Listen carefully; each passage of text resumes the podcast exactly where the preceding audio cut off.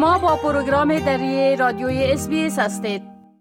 درگیر شدن در یک تصادف وسیله نقلیه موتری می تواند طاقت فرسا باشد.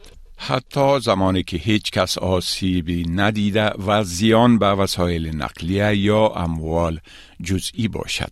اکنون در این مورد صحبت می کنیم که اگر در یک تصادف بزرگ یا جزئی موتر در استرالیا گرفتار شدید چی کار باید بکنید؟ چی گونه می توانید کمک بطلبید؟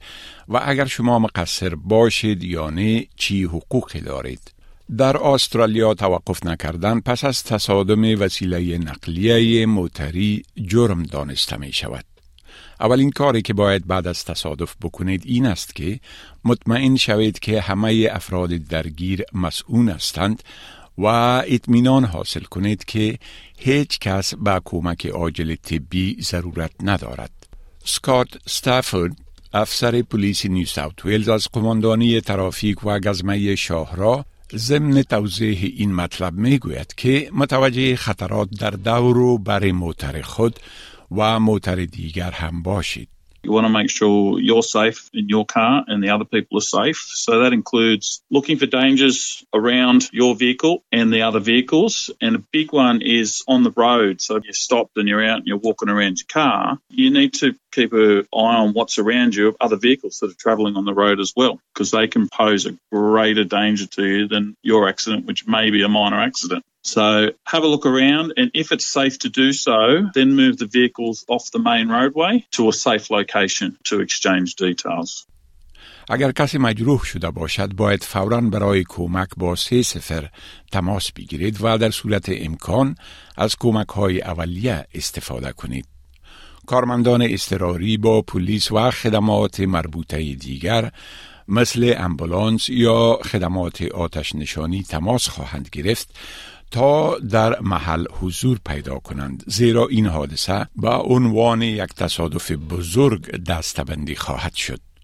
هنگامی که خطراتی در سرک و مانع برای عبور و مرور وجود داشته باشد یا در صورتی که یک وسیله نقلیه سنگین درگیر باشد پلیس در محل تصادف حاضر خواهد شد.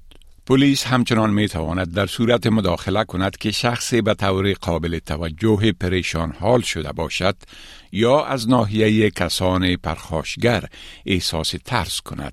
ولی در اکثر تصادفات جزئی موتر که در آن هیچ کسی مجروح نشده باشد دو جانب می توانند موضوع را بین خود حل کنند.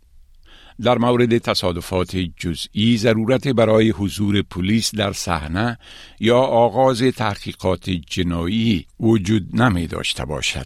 افسر پلیس استافورد می‌گوید اگر هر دو موتر رانده شده بتوانند باید به خاطر انجام یک صحبت کوتاه یک جای مسئول را برای پارک کردن موتر در کنار سرک جستجو کنید You are required to exchange each driver's details and the details of the motor vehicle. You can take a photo of each of the vehicles with the registration plate, take a photo also of the damage of the car, then take a photo of the other person's license. And then you may ask for a contact number as well. So all those details from minor collision provide to your insurance company and then they will work out who was at fault in the accident and chase up the other party in relation to getting things fixed.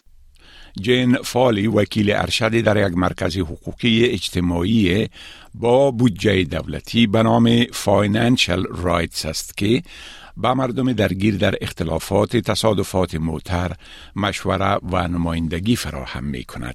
او می گوید که اگر شما مقصر نباشید برای جلوگیری از مخارج غیر ضروری گرفتن جزیات طرف مقابل بسیار مهم است. when you make an insurance claim, if you aren't at fault, if you don't have the name and address of the other party, your insurer will make you pay your excess. But often, if you've got that information, they won't. Um, notice if there are any witnesses or CCTV um, footage that might be useful later if there's an issue on fault. اگر بیمه شخصی موتر دارید باید در اسرع وقت با بیمه کننده خود تماس بگیرید تا حادثه را گزارش بدهید. ولی اگر واضح باشد که شما مقصر نیستید و طرف مقابل بیمه شخصی دارد خانم فالی می گوید که می توانید راننده دیگر را تعقیب کنید که خسارات را از بیمهش مطالبه کند تا شما مطالبه خسارات را از جانب خود صرفجویی کنید. خانم فالی می گوید برای حصول پرداخت مستقیم از بیمه کننده راننده دیگر باید یک نامه درخواست را برایش ارسال کنید. اما بیمه کننده ممکن تصمیم بگیرد که در مورد مبلغ مذاکره کند یا تخمین مصرف شما را ارزیابی نماید. اگر تقصیر از شما باشد و بیمه باشید می توانید خسارت را از بیمه خود مطالبه کنید. ولی اگر مقصر باشید و بیمه نداشته باشید احتمالا نامه همراه با درخواست طرف مقابل را برای ترمیم دریافت خواهید کرد اما امکان مذاکره وجود دارد the best thing to do is to take the photos and the quote to your own mechanic and ask for a second opinion. You can negotiate a payment arrangement if you can't afford to pay it up front, and you can offer to pay a reduced lump sum. But again, I would recommend that you seek legal advice.